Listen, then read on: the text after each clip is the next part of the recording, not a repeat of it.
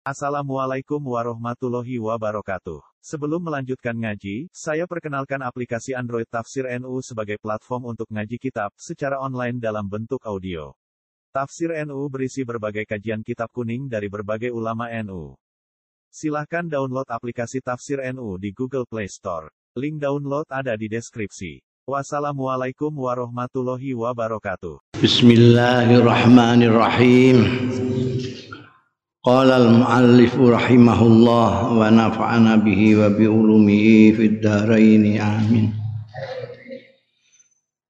Wa an Anasin radhiyallahu an anna nabiyya satune Kanjeng Nabi sallallahu alaihi wasallam iku saida minggah ya Kanjeng Nabi Uhudan ing Gunung Uhud. Wa tabi'ahu lan derekake ing Kanjeng Nabi sallallahu alaihi wasallam sapa Abu Bakrin sahabat Abu Bakar wa Umar lan sahabat Umar wa Utsman lan sahabat Utsman. Farajafa bihim Farajafa mongko bergetar apa bergetar cara Jawane Hah? Ndredeg. Gunung kok ndredeg iku.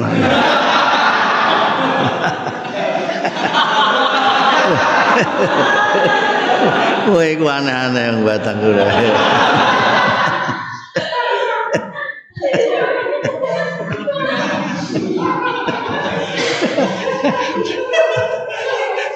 Ini agak teman iki aku. Gunung kok ndredeg. Iki sing Rajab iku gunung ya. Gunung Uhud iku. Bergetar kok ndredeg. Kon golekno neh sing liyane. Sing ora guyokno wong ngono.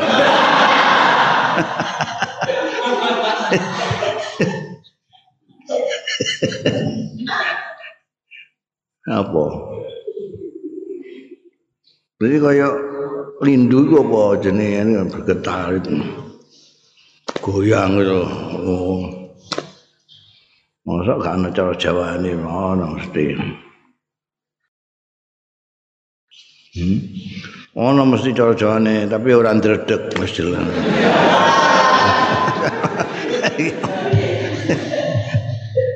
bergetar, itu mau bergetar, Jawa bergetar.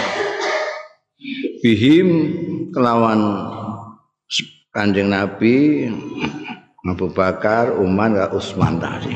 Begitu kanjeng Nabi bersama eh, sahabat Abu Bakar, sahabat Umar, sahabat Utsman naik ke atas gunung Uhud itu gunung Uhud bergetar.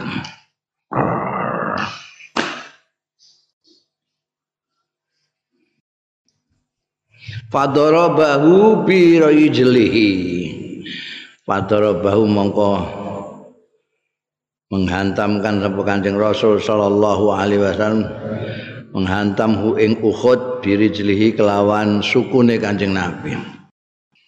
Di gedruk Pakola mongko dawuh sapa Kanjeng Nabi sallallahu alaihi wasallam, "Usbut Uhud."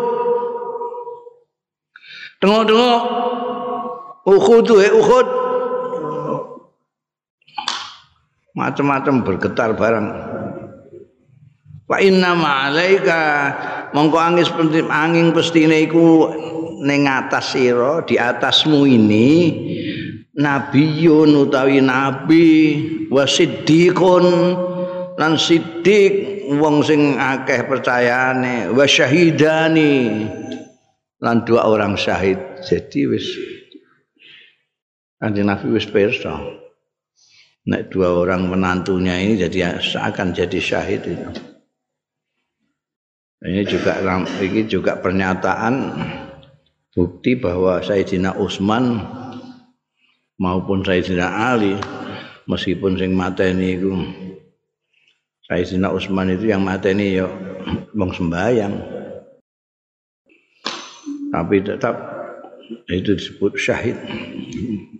Wafatnya syahid dua-duanya meneng itu kan asalnya bergetar itu. apa jenenge Gunung Uhud itu bergetar karena memang kena wibawane Kanjeng Nabi dan sahabat-sahabatnya ini itu bergetar itu. Cara bahasa batangin dredeg. Mergo diunggahi karo priagung-priagung dredeg. Terus gantuk terus dikanakno sisan Kanjeng Nabi. nganteng tengok-tengok. Usput iku tetepo sira iku maksude aja macem-macem. Tengok-tengok. Larem ini duduhno nek. Apa jenenge? Sing dua iki sahabat Umar mek sahabat Utsman iki sitoke mertua. Sahabat Umar itu wafat dibunuh bukan oleh orang Islam Sing Sayyidina Utsman sing oleh orang Islam. Sing Sayyidina Umar itu justru alhamdulillah nalika dibunuh itu karena yang bunuh beliau bukan orang yang syahadat kepada Allah. Ya. Orang majusi apa wong. Iki syahid dua-duanya ya semangat. Maksud orang melak Sayyidina Ali, Sayyidina Ali juga syahid itu. Ya Allah, itu tragis sekali. Jadi Ulafaur Rasidin itu satu saja yang tidak syahid. Yang wafatnya biasa sahabat Abu Bakar Siddiq. Sahabat Umar ya syahid dibunuh orang, Sayyidina Utsman ya dibunuh orang, Sayyidina Ali karamallahu wajah juga dibunuh orang. Sayyidina Utsman dibunuh oleh orang-orang yang tidak puas itu pemberontaklah Uhud. Sayyidina Ali dibunuh oleh orang-orang Khawarij, orang cara saiki ini orang radikal.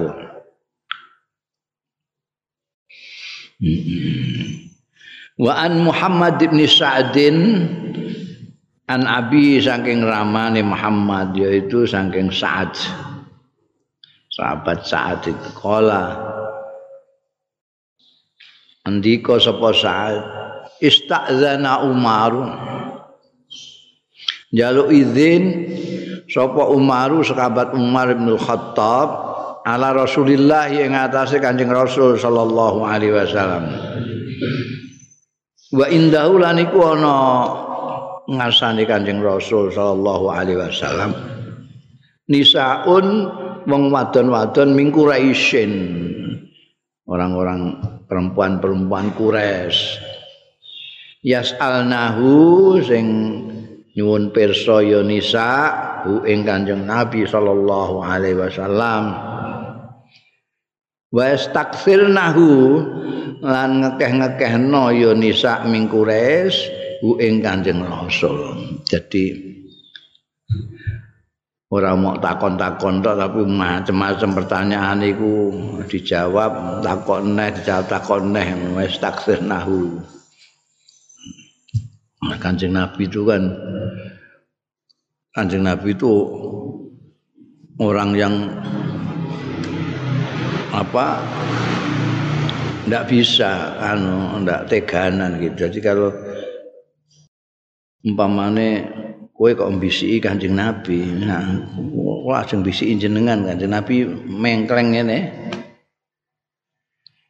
Iku ndak akan ditarik sebelum yang bisi itu menarik. Alaman juga gitu. Nah, uangnya gak ngeculno gak diculno. Untuk menjaga perasaannya orang. Iki wong wedok-wedok anu iku ya padha karo wedok-wedok biasane lah ya omonge lan pirang-pirang. Arep takok ae variasine macem-macem. Eh cerita dhisik ngene. Iki kula niku gadah anak anu anak kula niku pertanyaane endi ngono iki mukadimah dua wanita karuan. Nek wong liya liyane kanjeng Nabi terus langsung ditawakal kan ha pertanyaanmu apa? Wis kandakno ngono. Liyane aja sing ora. Dipegot gitu. Wis ah intine kowe kepengin tak apa? Kanjeng Nabi gak ya di. Rungokno mazhab wis ra iso kowe mbayangno Kanjeng Nabi mungkin saiki kaya dongeng. Kanjeng Nabi. Kowe ngladeni wong itu Masya Allah lembah mana jembar ora kepengin gelakno wong barang itu kawruan wong iku wonge ora diduga barang iku ya tetep ditemoni mek Kanjeng Nabi. Sing liya-liyane sing kudu ngeprok ae. Eh, sahabat Umar kan gak sabaran nek ana wong sing geneman mek Kanjeng Nabi terus kurang tata ngono iku ambek nyekel-nyekel apa? Astane narik-narik lambine ngono iku Kanjeng Nabi kan ya ditutno ae ditarik lambine. Ora kok muni Coba tarik-tarik ya, supaya enggak gak muni ngono ae gak. Sing getem-getem ya sahabat-sahabat yang sekelilingnya itu. Mungkin kita campur yo.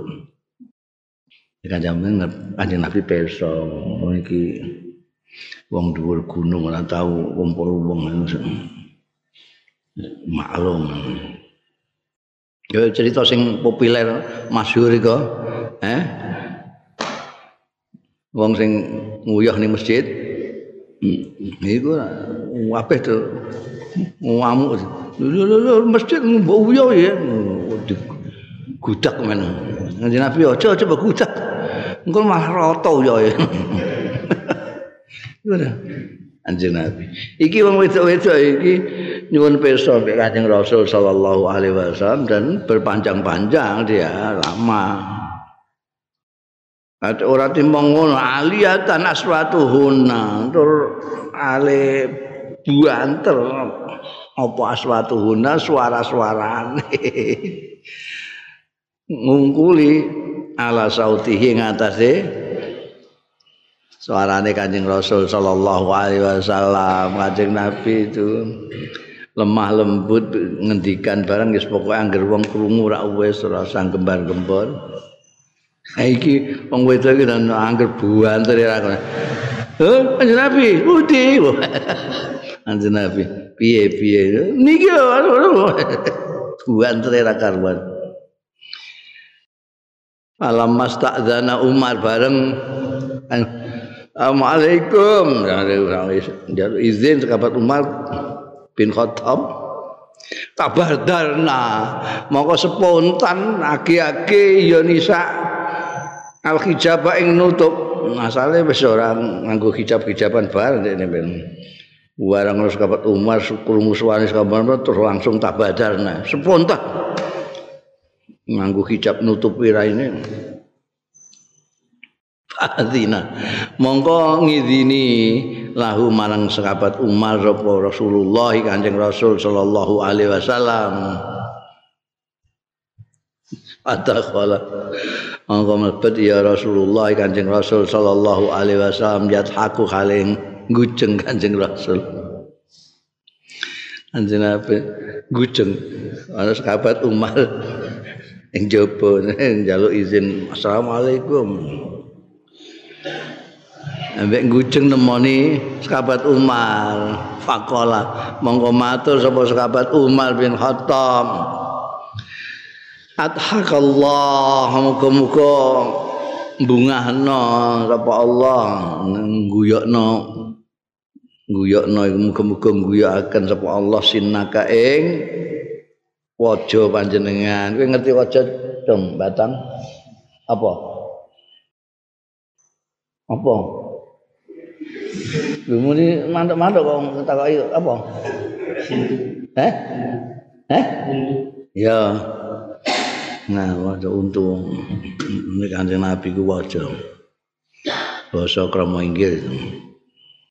Ma'at haka, ma'at haka niku napa at haka ingkang damel gumujeng ma ing panjenengan ya Rasulullah bi abi anta wa demi bapak kula mbok kula panjenengan wa umilan mbok kula. Kepingin untuk menekankan pertanyaannya itu pakai BAB antawa umi ini kebiasaannya sahabat Umar, sahabat Abu Bakar selalu mengatakan. Nek kepengin betul-betul kepengin jawaban bi abi anta wa Mugi-mugi Gusti Allah mbingahaken panjenengan Mas. Sampai adhaka biasanya wong wong guyu kan mergo bunga gembira. Jadi adhakallahu sinnak itu donga untuk supaya orang itu gembira bahagia. Bariku lagi yo. Iku adabe iku ngono. Ndongakno apik sik lagi bertanya jenengan kok ngujeng ngujeng napa kanjeng rasul? Kepengin ngeroh tenan wong nganggo abi anta wa ummi.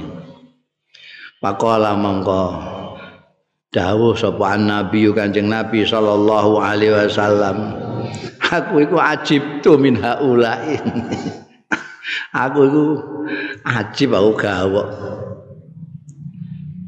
gawok saking mengkono-mengkono ngomong madun wong wadon mau lho wong wadon iku allati allati kun sing ana ya haula iku mau inti ana sanding ingsun. Aku heran perempuan-perempuan tadi itu loh yang di menemui saya tadi kene napa? Falamma sami'na mongko bareng krungu ya alati sautaka ing swara sampean tabadarnal hijab. Mongko spontan nutupi. Mblayu tabadarnal hijab. Menutup menutup diri cepat-cepat menutup diri Jadi segan wek sahabat Umar iku. Fakula faqala maka matur sapa Umar sahabat Umar radhiyallahu anhu anta utai panjenengan akhaku menika luwih berhak ayatna an ayyahabna yen to nyungkani nyanisan alati ya Rasulullah Rasul mestine jenengan ingkang langkung disungkani di mana kula niku. Enggak kula kok terus sungkani ayo jenengan mesti ini lebih sungkan.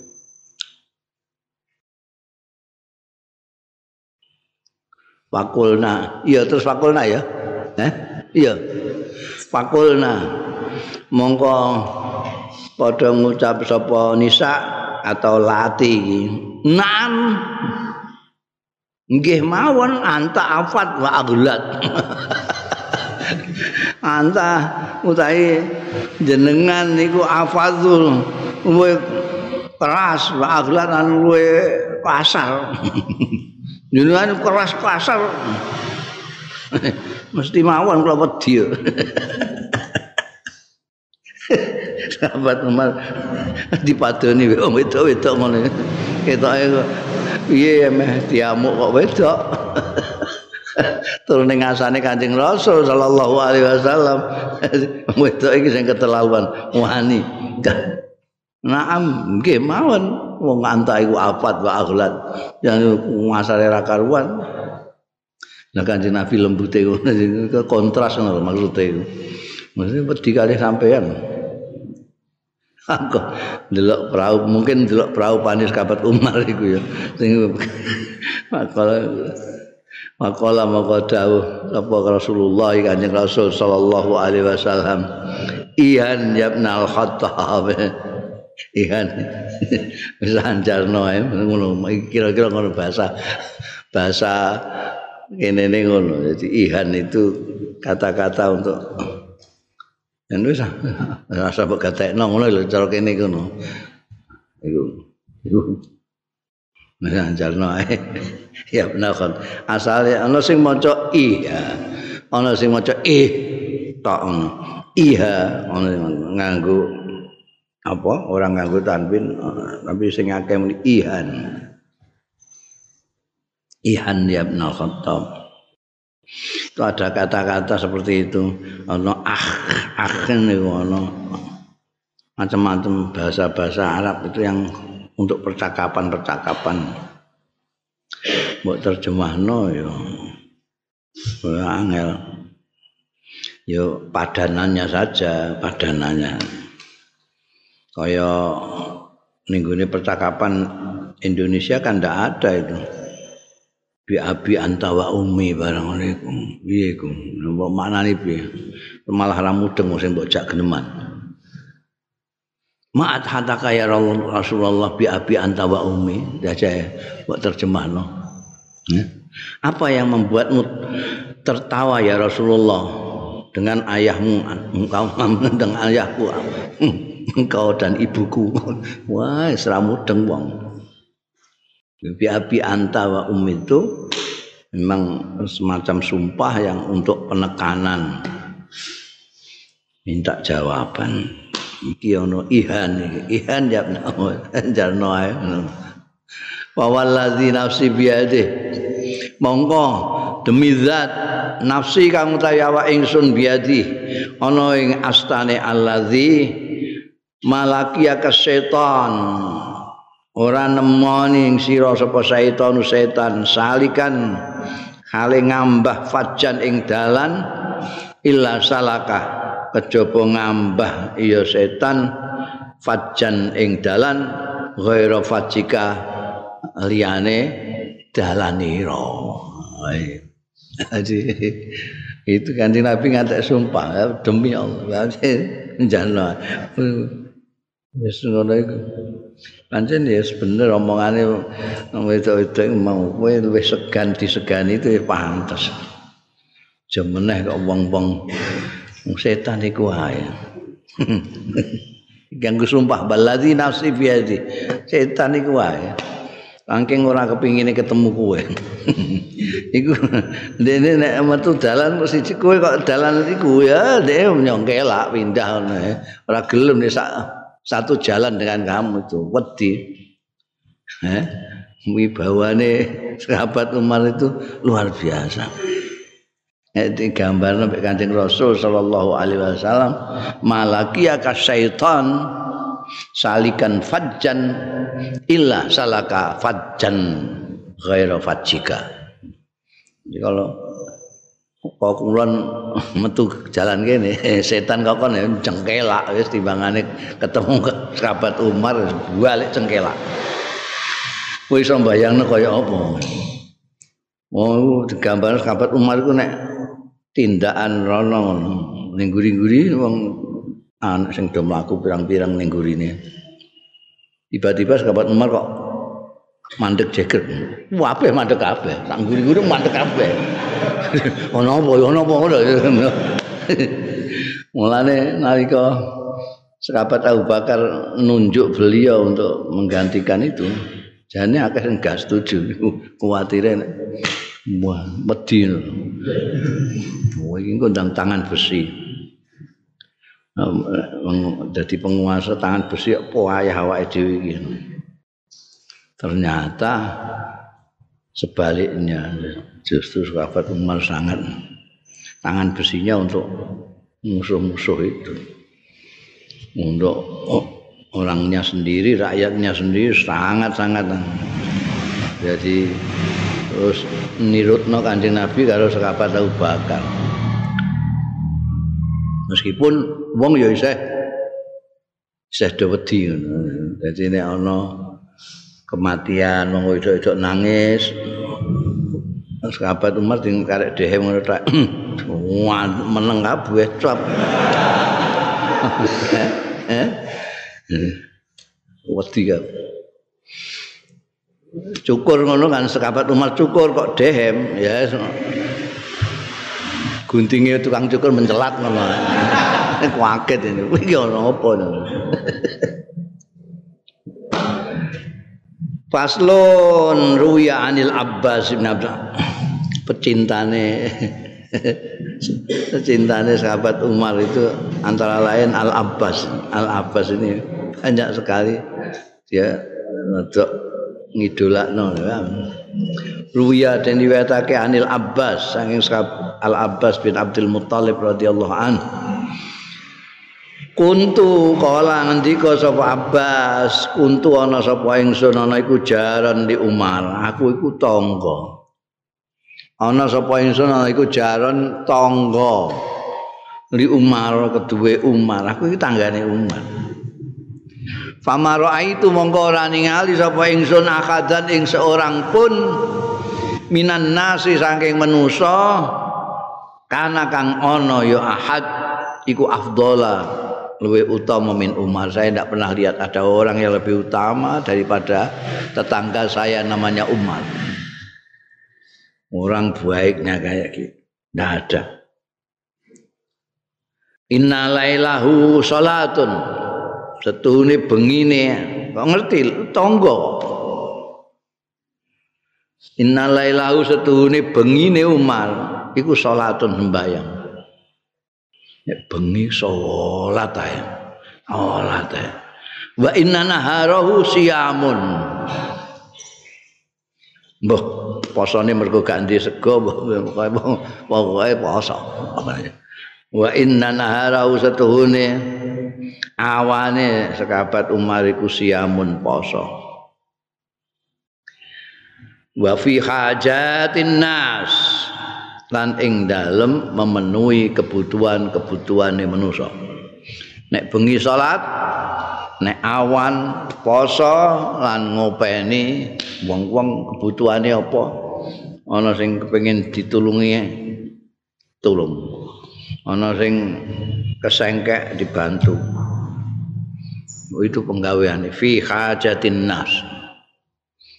Golek-golek ana sing duwe keperluan-keperluan apa itu sekabat Umar siangnya itu untuk memenuhi kebutuhan-kebutuhan orang. Wong apik ngono? Mlane falam matufia bareng kapundhut ya sekabat Umar. Sa'altullah nyuwun sapa ingsun Allah ing Gusti Allah. Ayuriyanihi ing yen to meruhake sapa Allah ing ingsun ing sekabat Umar bin Naumi ing ketarik karo apike sekabat Umar nalika gesang Ibnu Abbas. Sekabat Al Abbas ya bukan Ibnu Abbas Al Abbas bin Abdul Muthalib. Al Abbas bin Abdul Muthalib ngantek nyuwun karo Gusti Allah supaya diparingi pirsa ning impian sahabat Umar di sana bagaimana itu. Saya, apa kepengin banget. Laung sing apa jenenge? Sing donga Al Abbas bin Abdul Muthalib ya. amane Kanjeng Rasul sallallahu alaihi wasallam nalika sekabat Umar jadi kepala negara nalika paceklik istisqa ing nganggo Al Abbas bin Abdul Muthalib niki. Gusti niki pamane Kanjeng Nabi Muhammad sallallahu alaihi wasallam. Kaon wis gak ono Kanjeng Nabi jadi pamane sing dienggo tawasul. Ya udan tenan Nah, iki ndonga karo terus dipenuhi mbek Gusti Allah taala. Fara'aituhu mukbilan min sukil Madinah. Nah, aku terus ngipir roh sekabat Umar mukbilan madep hale madep min sukil Madinati saking pasar Madinah. Rumangsa aku, aku ketemu beliau itu, beliau baru datang dari pasar Madinah. Saya ketemu dari pasar Madinah. Pasalam tu alaih mongko nyalami sapa ingsun alaihi ing atas sahabat Umar. Assalamualaikum. Wasallama alayya lan uluk salam sapa sahabat Umar alayya ing atas ingsun. Waalaikumsalam. Uluk salam. Ini sik ketoke kok ke pasar. Sumakul tu mongko keri-keri. Ngucap sapa ingsun lahu marang sahabat Umar kaifa anta? Ali kepriye anta utahe sira? Iku kali kepriye anta utahe? Kabare sampean sundi apa kabar? Kolan jawab sapa sahabat Umar bi khair. Baik-baik saja. Saya baik-baik saja. Kultu makana utawi apa iku kana ana ya mat terus piye saiki kondisine? Gimana kamu? Kala jawab sapa sahabat Umar al ana khina faragtu minal hisab. Saiki iki khina faragtu nalikane rampung sapa ingsun minal hisab saking hisab. Wallahi kada arsi yahwa yahwi laula an wajadtu rabban rahima. Demi Allah kada meh-meh apa arsi singgasana ingsun? Yahwi ku meluncur ceblok mengisah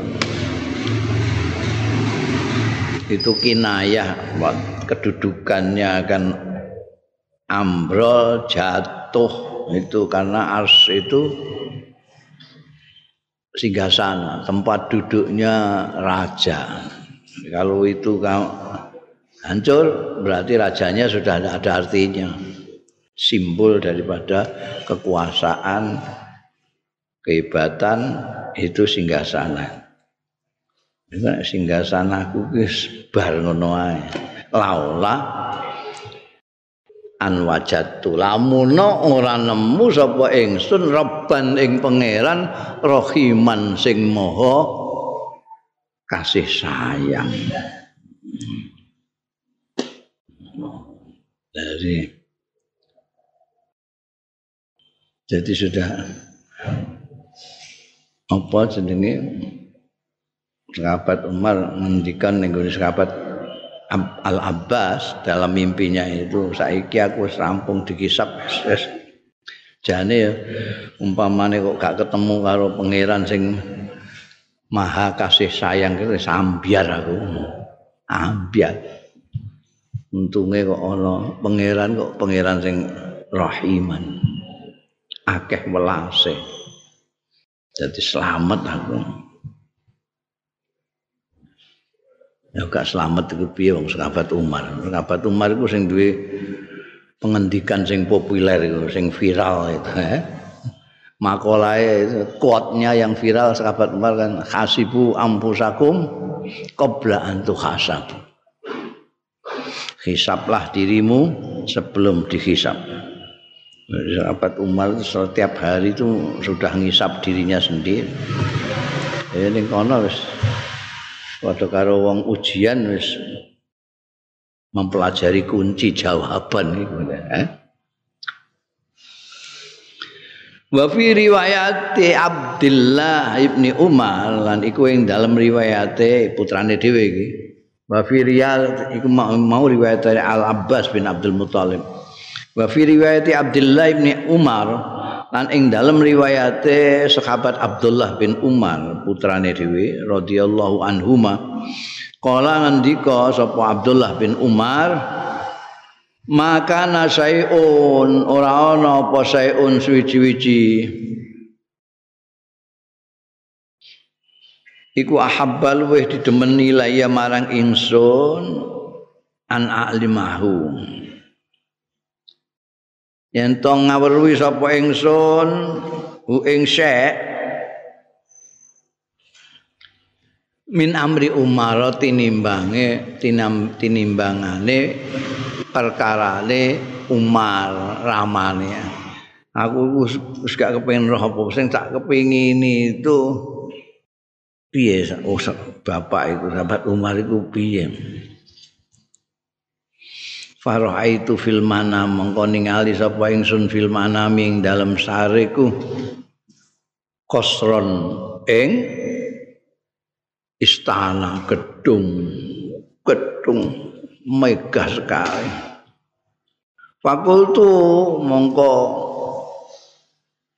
ngucap sapa ingsun liman hadzal qasru? Iku keduwe sapa hadzal qasru?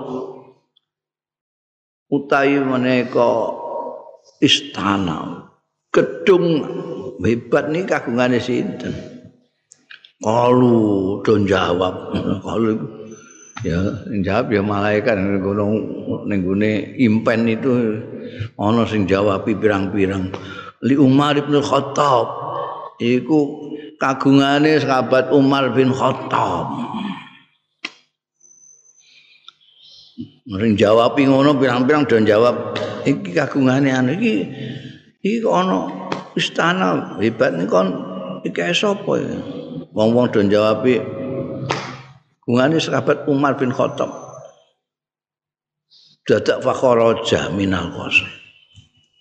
Fakharaja miyas sapa sahabat Umar minal qasri saking istana mau sing gedung mau. Wa alaihi lan iku ing sahabat Umar milhafatun utawi mantel. Ah, ngaku mantel. Milhafa itu bisa mantel bisa selimut. Tapi mau selimutan itu lah manggo mantel lah keluar dari istana. Ka'annau kaya-kaya setuhune Sayyidina Umar iku qadir tasala teman-teman bar siram.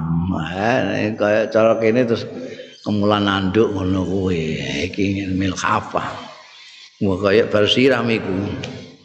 Fakultu mongko matur sapa ingsun, kaifa sonata?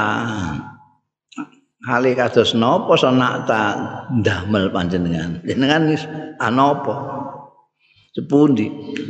Ola dawuh sapa sahabat Umar khairan apik. Aku gawe apik. Kada arsi persis karo mimpine sahabat Al Abbas mau ya. Sahabat Abbas mau apa jenenge? Jawab itu parok tuminal hisab. Terus wallahi kada ning kene iki ya ana ungkapan kada arsy yahwi laula anni laqaitu rabban ghafura. Perbedaane riwayate ngimpine sahabat Abdullah bin Umar iku meh-meh wae arsi singgasanaku yahwi ambrol ceblok laulaani lamuno ora stune ingsun iku itu ketemu sapa ingsun robban ghafura ing pangeran sing akeh pengapurane nek mau al abbas ngipi robban rahim pangeran sing akeh welas asih nek putrane dhewe ngipi robban ghafura iso ngono ya. Eh ngipine meh padha iki oh iki wali kabeh. Ora terima wali sak ndure wali kabeh iki eh. Wali kan sudah beberapa abad. Beberapa abad setelah ini bayangno wali-wali sing nguri-nguri ae. Sektine ngono ya apa meneh iki wa an ibnu umar. Kan saking Abdullah eh, ibnu Umar. Dari Ibnu Umar juga ini. Radhiyallahu anhuma. Ini enggak disebut Abdullah tapi ini yang maksudnya ya Abdullah bin Umar. Dari sekabat Abdullah bin Umar lagi radhiyallahu anhu maqala ngendika sapa bin Umar? Kana rasu Umar. Ana apa mustakane ngerti mustaka ya. Apa? Kepala ya sirah ya.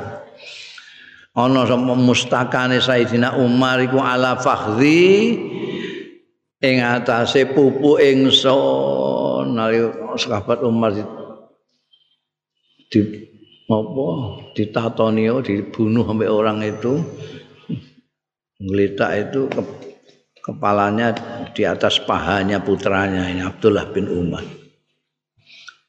Ini diceritakno kalau Ibnu Umar sendiri.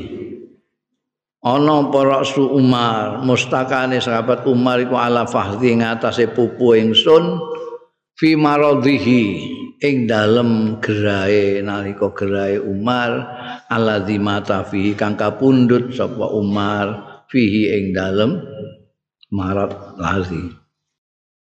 Nalika usar kapundhut gerahnya yang kena cidrane wong itu kepalanya di atas pahaku Fakola moko ngendika sapa sahabat Umar limarang ingsun. Dok roksi alal ard. Dok nyelehno sira roksi ing sirah ingsun alal ardi ngatasé tanah.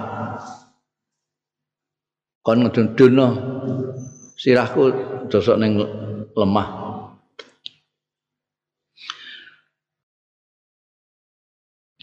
fawadok tuhu mongko nyelehake sapa ingsun ing raksu Umar alal ardi ing atase tanah. Terus tak letakno pancen mundut supaya diselehno ning isa ya tak selehno ning isa. Asale ning ngene pupuku. Tak dono tak selehno ning ngene lemah. Faqala mangko dawuhan sapa sahabat Umar dawu waili wa wailu ummi ilam yarhamni rabbi waili cilaka. Cilaka teman ingsun wa wailu ummi lan cilaka mbokku. Ilam yarhamni lamun ora melasi ing ingsun sapa rabbi pangeran ingsun. Cilaka pokoke nek aku gak diwelasi pangeran. Aku mbek mbokku wis cilaka. Iku nalika arep kepundhut iki Waqala Ibnu Abbas ngendika sapa Ibnu iki Abdullah bin Abbas seputrane Al Abbas mau. Waqala Ibnu Abbas radhiyallahu anhuma lama tuina Umaru ketika ditusuk sapa Umar Umar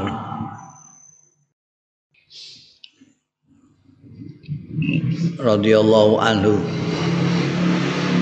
Dakhaltu mlebu sapa ingsun alaihi ing atase sahabat Umar Begitu aku krungu beliau ditusuk aku terus iliki Kala Ibnu Abbas radhiyallahu anhu lamma tuina Umar dakhaltu alaihi. Faqala mau ngendika Ibnu Abbas absir ya Amiral Mukminin bergembiralah bunga penjenengan ya Amirul Mukminin he Amirul Mukminin Amirul Mukminin itu sudah pernah saya ceritakan itu julukannya sahabat Umar ketika beliau tidak mau disebut khalifah mau disebut Amirul Mukminin Nah, semua sejak itu semua orang yang jadi khalifah panggilannya Amirul Mukminin. Absir ya Amiral Mukminin fa innallaha qad massara bika. Was wah jenengan pun pokoknya bunga-bunga mawon pun berbahagialah jenengan ya Amirul Mukminin. Fa innallaha mangastuni Gusti Allah azza wa jalla qad massara bika al amsar. Teman-teman sampun menciptakan kota bika sebab panjenengan al amsara ing kota-kota. Muat ini zaman sahabat Umar itu kan penaklukan pembangunan itu dahsyat sekali, dahsyat sekali. Banyak daerah-daerah itu yang ditaklukkan kemudian di sana dibangun kota. Hah? Bangun kota baru, kota baru banyak. Mulane Sayyidina Abdullah bin Abbas menyebutkan qad massara bikal amsal. Jadi sudah kalau sekarang sahabat Umar mau pulang ke rahmatullah ya mesti seneng ya. Mergo dia sudah berbuat banyak qad massarallahu bika al amsal wa dafa'a bika nifaq wa dafa'alan nolak bika sebab dafa'an nolak sapa Allah taala bika kanti panjenengan annifaq ing kemunafikan zaman sahabat Umar tidak dikasih ampun begitu ada tanda-tanda orang munafik sudah diwaspadai betul nah, zaman ini kanjeng Nabi kan orang mau apa membunuh orang munafik tidak boleh Tak boleh. Karena apa? Karena orang munafik itu jihad lahirnya adalah orang Islam. Yang tahu bahwa dia munafik hanya kanjeng Nabi dan orang yang diberitahu oleh kanjeng Nabi. Yang lain tidak tahu. Nah kalau kanjeng Nabi membunuh orang yang diketahui beliau sebagai munafik, orang akan mengatakan ini piye iki kok. Nabi kok mata ini anak buah dewi kan itu. Karena di mata orang banyak orang munafik itu tetap orang Islam. Tapi kanjeng Nabi Muhammad Shallallahu Alaihi Wasallam memberitahukan tanda-tandanya orang munafik, bukan untuk dibunuh, tetapi untuk diwaspadai. Maka gak iso ujit zamane sekabat Umar gak iso ujit orang-orang ini. Ini yes, dipateni tenan jalan-jalan yang untuk mereka bisa dipercaya wes jabatan-jabatan yang membutuhkan kepercayaan tidak akan diberikan oleh kepada mereka. Ono tanda-tanda yang kemunafikan ini. Mulane Ibnu Abbas mengatakan wa dafa'a ay Allahu bika sebab sampean an-nifaqa ing penafikan. Wa afsha bika rizqa lan menyebarkan afsha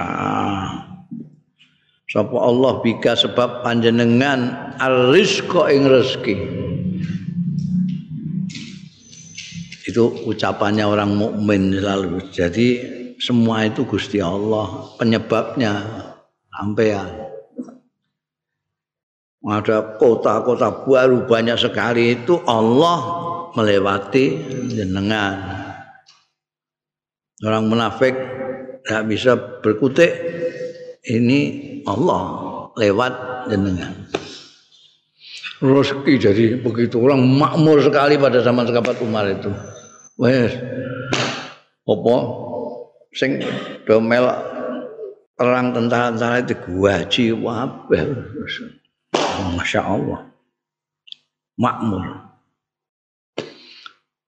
Jadi karpe Ibnu Abbas ini mau membesarkan hati. Wes jenengan berbahagia sekali.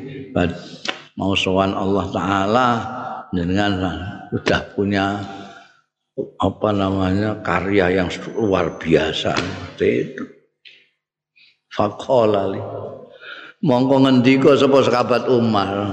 Sahabat Umar ini reaksinya faqala maka dawuh sapa sahabat Umar li marang ingsun li marang ingsun ingsun Ibnu Abbas. Tak aturi ngono iku moko sahabat Umar terus ngendika limarang ingsun. Afil imarati tusni alayya. Iki padahal dalam kondisi parah ya. Karena kena tusukan itu sudah mau meninggal masih jernih sekali.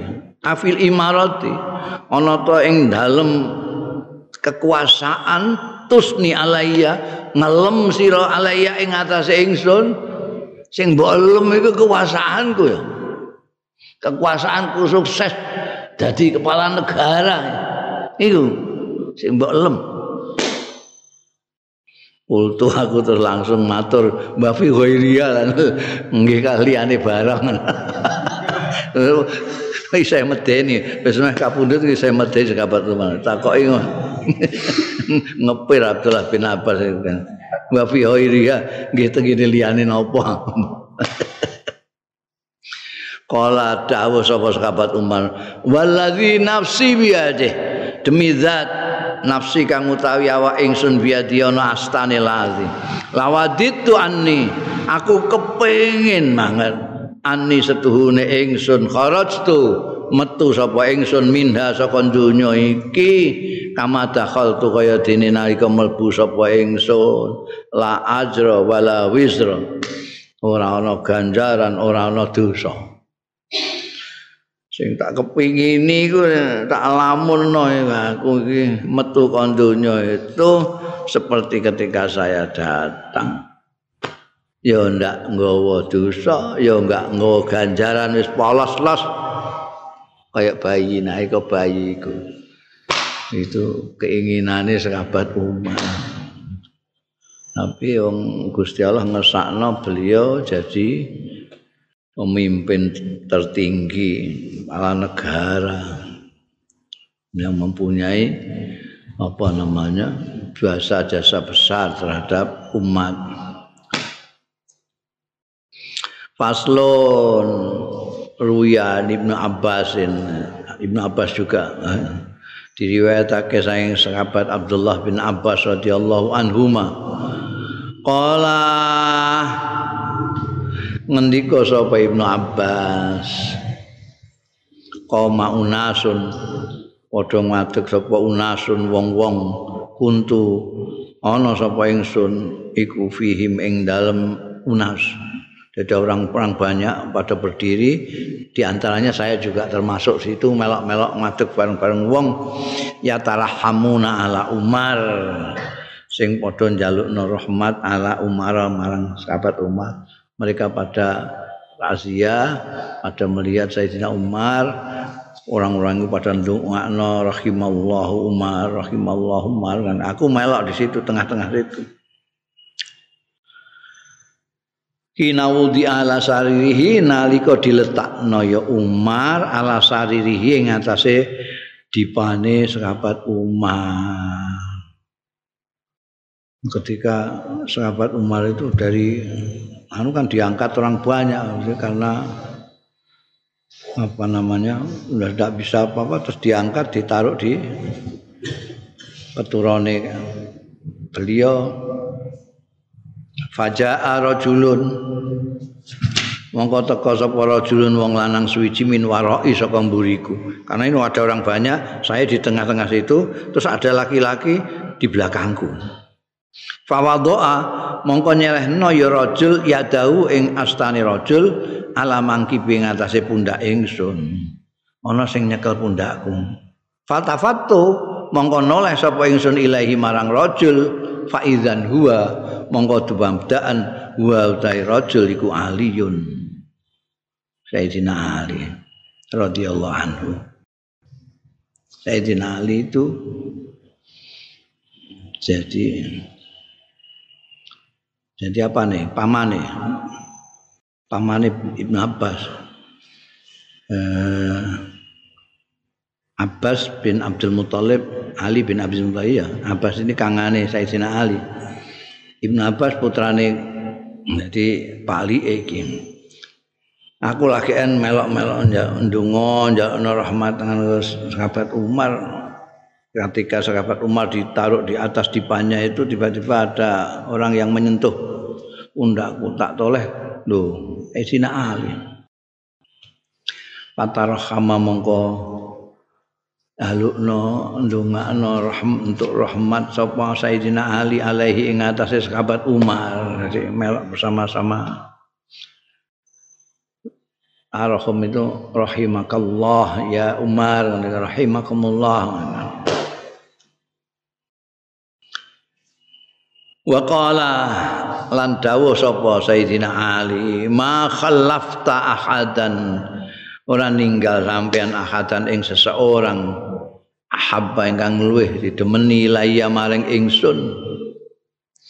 An al qarabbi yen to ketemu sapa ingsun ing pangeran ingsun bimisli amalihi kelawan sepadane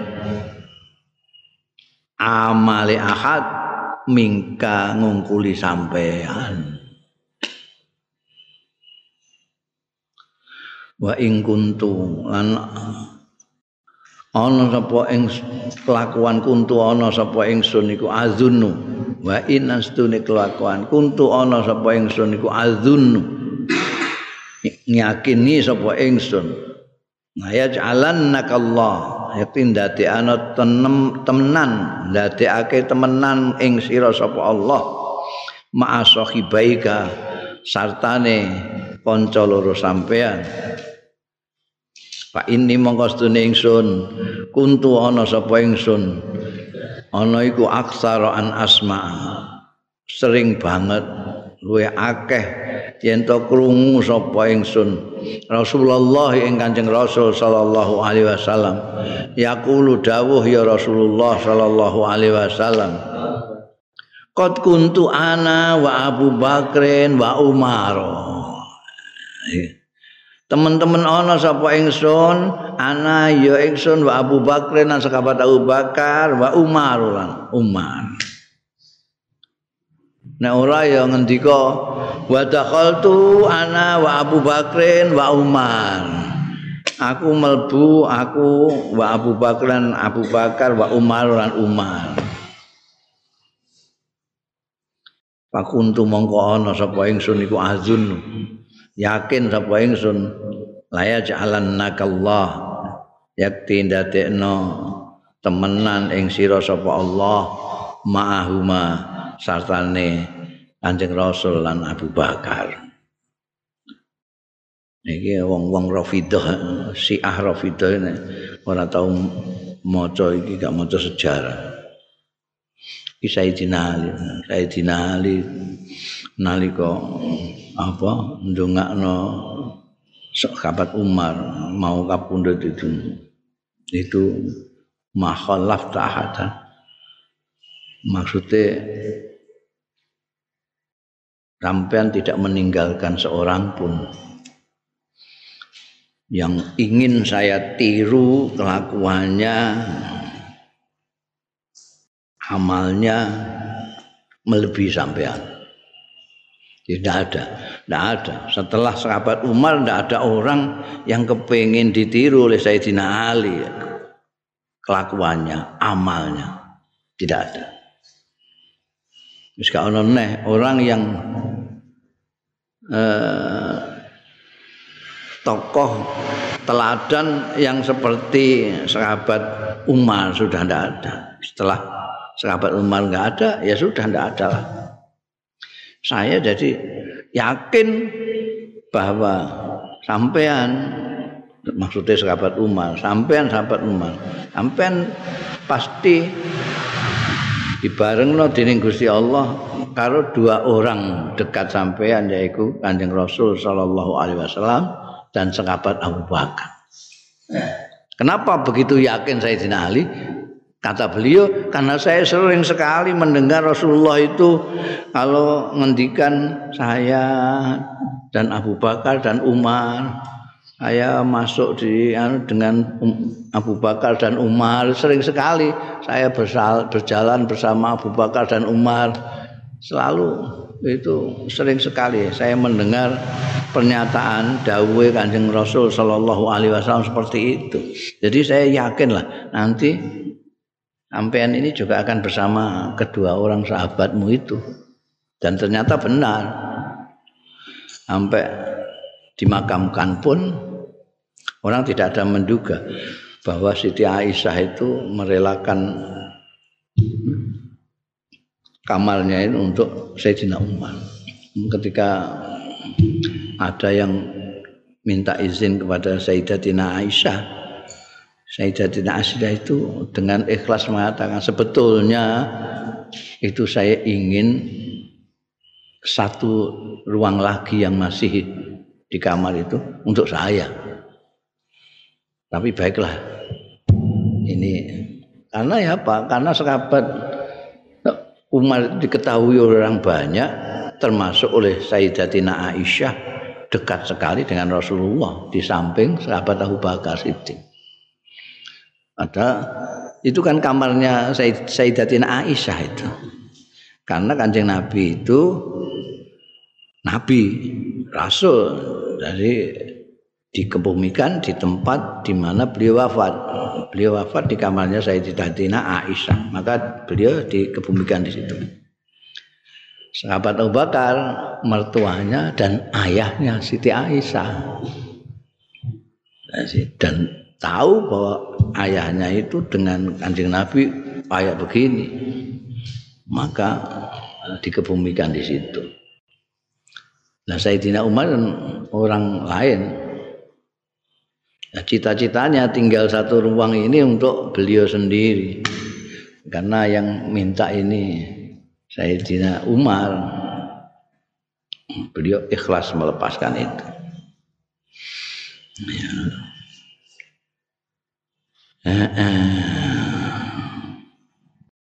Wa qala aliyun lan dawuh sapa sayyidina ali wallahu a'lam bissawab